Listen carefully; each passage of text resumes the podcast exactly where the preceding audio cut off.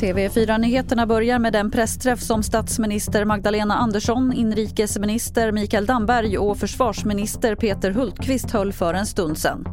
Anslaget till det militära försvaret ska öka till 2% av BNP. Och vi ska nå dit så fort det är praktiskt möjligt. Det vill säga möjligt att på ett effektivt sätt öka eh, omsättningen eller omsätta ökningen i stärkt försvarsförmåga. Ja, så sa statsminister Magdalena Andersson.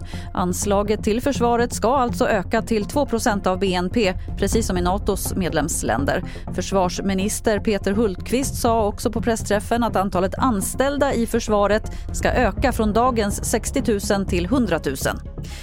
Idag kommer rapporter om att över en miljon barn har flytt från Ukraina sedan Ryssland inledde invasionen. Det här säger Unicef enligt Reuters. Minst 37 barn ska ha dödats och 50 skadats enligt Unicef.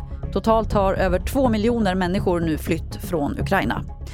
Den svenska marinen uppmanar de som bor i skärgården att rapportera in ubåtsobservationer som periskop och onaturliga vågsvall. Det här skriver tidningen Skärgården. De vill också ha tips om man tror sig se någon som ankrar där man inte får eller går i land vid skyddsobjekt. Fler nyheter finns på tv4.se. Jag heter Lotta Wall.